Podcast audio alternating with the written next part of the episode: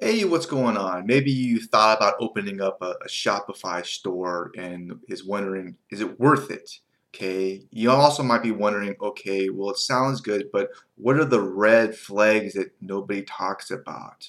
You know, the hidden dangers with opening this store, uh, pitfalls, right? Uh, how much does the average Shopify store even earn? You know, how much money can I make? Uh, is it legit? Well, a Shopify store can be legit if you stick with it long term, okay? Um, just like nearly all businesses out there, okay? Uh, now, Shopify is a cloud-based software that allows someone to set up set up an online store.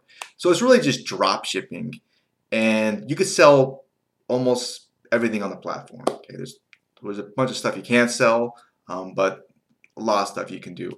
Uh, you might be thinking, what the hell is drop shipping? Well, that's when someone goes to your website, they pay you, okay? You you have a picture of a product on the website, then you contact a supplier that ships the product to someone, boop, um, and you're really just the middle person. You're the face of the whole enterprise, okay? Uh, so, the red flags. Well, uh, for starters, all the customer service is done by, yeah, you. Don't hide you, right? Uh, it's on your shoulders, and guess what? Uh, the shipping and all that stuff, the product, the creation is done by someone else. And if anything goes wrong, who takes the blame?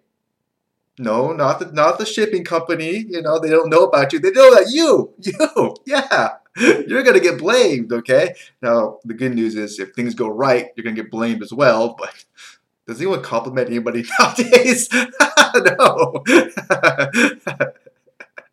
All right, so that's definitely uh, so you're the front person. Okay, that's that's the big red flag. Um, the bad news is, of course, it does start cost money. Okay, it's not not free. Okay, because it costs money to start. Like all businesses out there, uh, there's a monthly fee, and the cheapest to start with is going to be uh, $29 to start. Okay, there's all these different plans on Shopify.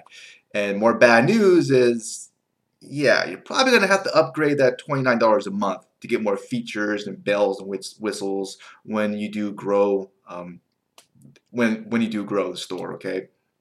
All right. Um, plus, there's advertising, which is a whole other topic you're going to have to do and think about. Okay. Um, when it comes to the payments on it, uh, with PayPal and Shopify payments, um, if you do like a ton of drop shipping, uh, there could be a red flag because what happens is usually someone will wait a little bit longer for a product. And nowadays, everyone has high expectations due to Amazon and they want shit now. And if they wait a little bit longer, some people get impatient and will just charge that shit back uh, chargeback. And that's when they return the money back, they get a refund, and that makes you look bad, and you can get penalized if you get too many of those as well. So that's a risk when it comes to drop shipping, okay? All right, uh, another thing to think about is the competition. Yes, it's easy for someone to come in and steal your greatest product, uh, and they just have to pump a shitload of money through ads and they just outcompete you. That can definitely happen. Um, in fact, this does happen on Amazon. Yeah, Amazon will allow anyone to play on their in their sandbox, but if they know someone doing really good, they go, "Huh, there's some money out there." They just outcompete them, and they got big pockets, and they just throw money all over the place, and that little that little fish is fried. All right. Um, other stuff little things. You can only have three options per product. Okay. Uh, it's not easy to add custom fields, uh, such as you need like additional information for a product. It's very customizable and stuff. Uh, you need coding for that and stuff. Uh, if you if you're in a whole bunch of sales sales data and graphs and you're nerd that way, that's going to cost you. So yeah, there's more money for that as well. So that's the bad stuff. So you might be thinking, well, I'm not scared, but uh, how much can I earn, right? You know, uh, how, is, how much does the average person make when they open a Shopify store? Okay. Now, depending on who you ask, you're to get all types of different answers, right? Uh, some people say, well, you could, you could earn a $100,000 a year. The top Shopify stores earn a million dollars a year. You're like, wow, I could do that. Yeah, right.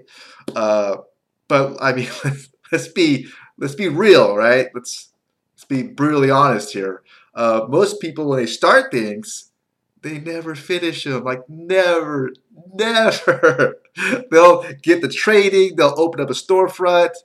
They'll learn some stuff. You know, maybe do a little bit of stuff, and then guess what happens? Yeah, a shiny object appears. Ooh, what's that?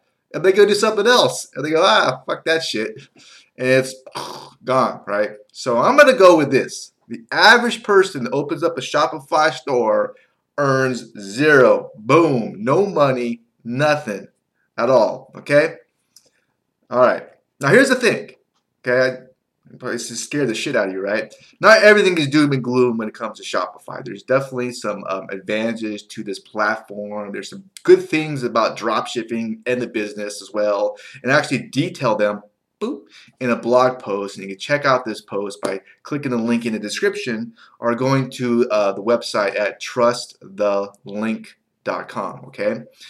All right. Uh, I also talk about how Shopify is different than affiliate marketing, which is another online business model as well, and how they kind of stack up a little bit. And I go into a lot more deep detail about Shopify. Okay.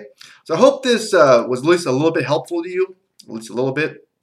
I wish you the best and have a great day. Bye.